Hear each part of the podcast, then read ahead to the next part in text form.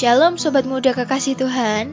Perkenalkan, saya Sofia yang pada kesempatan kali ini akan menjadi host pada podcast Aku Mau Mengasihi Tuhan.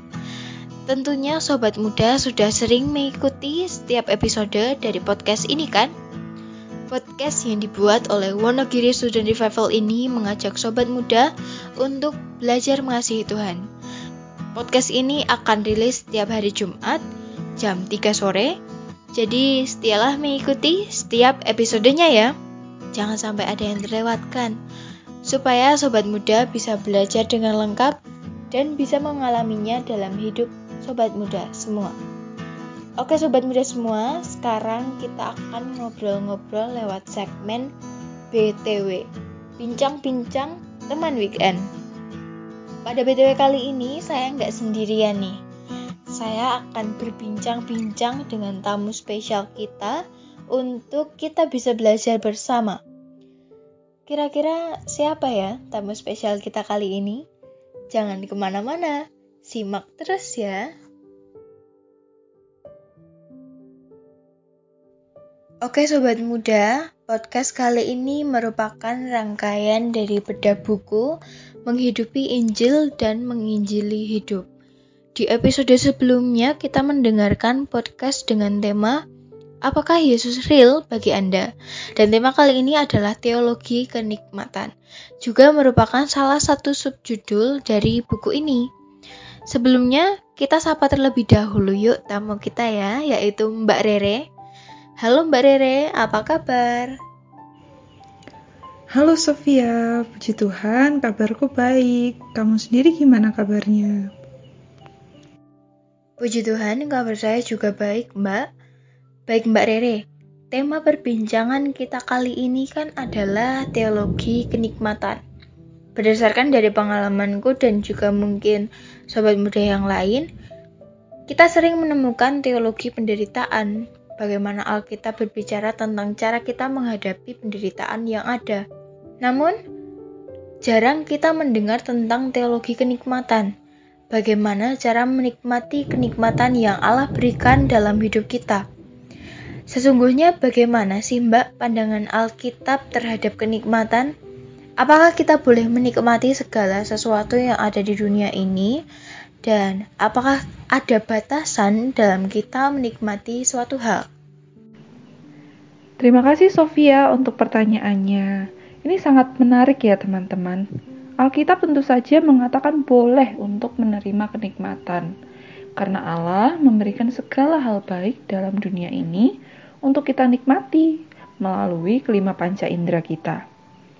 Kita dapat mendengarkan lagu favorit, menikmati pemandangan waduk gajah mungkur misal, atau menikmati sate kambingnya Pak Gino. Wah, jadi lapar nih ya.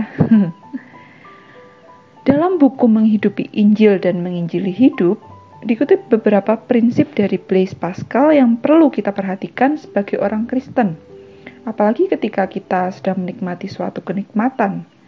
Supaya apa? Supaya kita tuh nggak keblinger atau jatuh dalam dosa. Dikutip beberapa prinsip. Wah, apa saja sih mbak prinsip-prinsip itu? Bisa tolong dijelaskan? Oke, Sofia. Jadi prinsip yang pertama adalah kenikmatan itu bukan tujuan akhir, tetapi sebuah pointer, sebuah petunjuk ke sesuatu yang lebih bermakna, yaitu pada Allah sang sumber dan asal kenikmatan.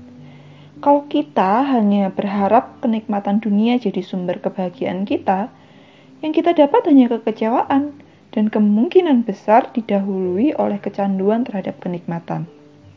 Nah, prinsip yang kedua adalah kenikmatan yang sah adalah kenikmatan yang menyegarkan hidup kita tanpa mengganggu, membelokkan, dan menjauhkan kita dari Allah, sang sumber dan asal kenikmatan itu. Prinsip kedua ini nih yang akan mengajari kita untuk menikmati pleasure atau kesenangan-kesenangan, kenikmatan-kenikmatan dengan rasa syukur yang penuh kepada Allah. Kita tidak mengejar kebahagiaan dari kenikmatan dunia, karena itu semua sebenarnya hanya turunan dari kenikmatan asli yang Allah berikan kepada kita. Sebetulnya, segala kenikmatan yang ada diberikan Allah untuk rekreasi seluruh indera kita dan mengarahkan pada sumber kenikmatan yaitu siapa? Allah kita sendiri. Tapi kita cenderung mudah terpesona dan terperangkap dalam kenikmatan dunia. Hal ini nih yang membuat hati kita itu makin tumpul untuk merindukan sang kenikmatan sejati itu sendiri, yaitu Allah. Oke, kemudian prinsip selanjutnya apa? Prinsip selanjutnya adalah kenikmatan manusia yang tertinggi itu ada di dalam Allah.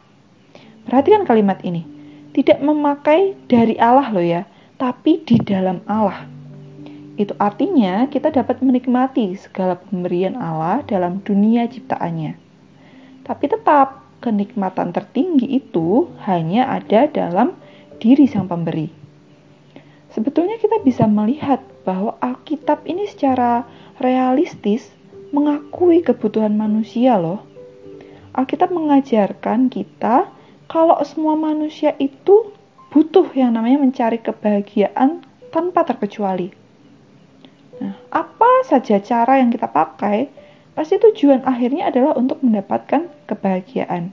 Nah, mari kita baca di dalam Mazmur pasal 16 ayat 11.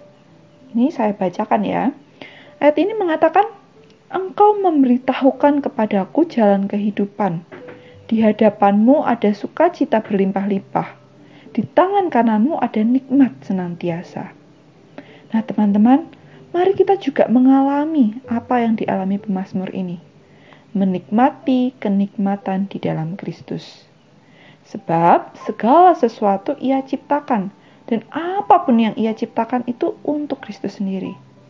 Nah, hal ini bisa kita lihat di dalam Kolose pasal 1 ayat 16. Ini akan saya bacakan ya.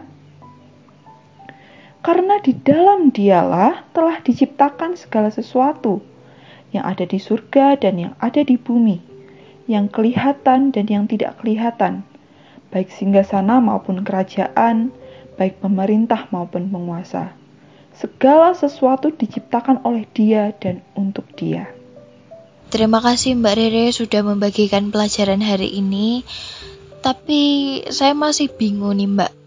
Kalau segala sesuatu diciptakan oleh Kristus dan untuk Kristus seperti dalam Kolose 1 ayat 16 tadi, mengapa ya kita terkadang masih cenderung merasa tidak butuh untuk melihat kemuliaannya, untuk mendengar suaranya, atau mungkin untuk mengecap kebaikannya? Oh, ini pertanyaan yang menarik juga ya. Hmm, tentu saja itu bisa terjadi kalau kelima panca indera kita itu terlalu sering dipuaskan oleh hal-hal dari dunia yang substandar dibandingkan Kristus. Bahasa gampangnya tuh ya kira-kira kita tuh terlalu sering dipuaskan oleh kenikmatan dunia yang sebenarnya tidak sebanding dengan kenikmatan luar biasa yang bisa kita dapat di dalam Kristus. Oke Mbak Rere, Lalu kira-kira apa ya yang bisa kita refleksikan dalam hidup kita? Ya, mungkin teman-teman bisa merenungkan dan menemukan dalam bidang apa kita cenderung mengejar berkat daripada sang pemberi berkat tersebut. Nah, kemudian bawalah itu kepada Allah dan menyadari bahwa kenikmatan sejati hanya kita dapat di dalam Allah. Selain itu mungkin ada beberapa teman ya yang mungkin ragu-ragu apakah kita tuh sebenarnya bisa menikmati ciptaan dan pemberian Allah itu? Boleh nggak sih, misalkan nonton film, ya film Avatar gitu mungkin, traveling ke mana, ke Tawangmangu, beli baju dari tabungan kita ya, uang yang kita miliki, makan makanan enak dan lain-lain. Nah, kalau kita lihat dari apa yang sudah kita bahas tadi, tentu kita boleh, teman-teman. Alkitab sudah mengatakan itu. Tapi dengan apa? Dengan memperhatikan prinsip-prinsip tadi loh yang sudah kita bahas sebelumnya. Ya, begitu Sofia dan mungkin sobat muda semua. Oke Mbak Rere, kiranya kita semua makin menikmati kenikmatan sejati di dalam Kristus dan terima kasih ya Mbak untuk pelajaran dari bedah buku yang dibagikan kali ini. Kiranya kita semua terberkati. Sama-sama Sofia. Tuhan Yesus memberkati Sofia dan sobat muda semua. Sampai jumpa lagi ya. Dadah.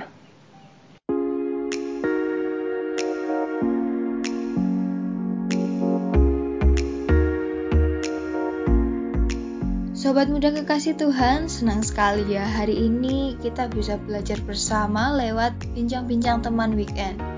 Sobat muda jangan sampai terlewatkan untuk mendengarkan bincang-bincang teman weekend minggu depan ya. Lanjutan tema minggu ini. Tentunya bincang-bincang minggu depan tidak kalah seru untuk kita pelajari dan kita alami bersama. Kalau ada sobat muda yang ingin berdiskusi, bertanya, juga memberi masukan, boleh loh Sobat Muda sampaikan lewat Instagram BSR di @studentrevival. Oke, sekian podcast kali ini. Gabung lagi minggu depan ya. Tuhan Yesus memberkati.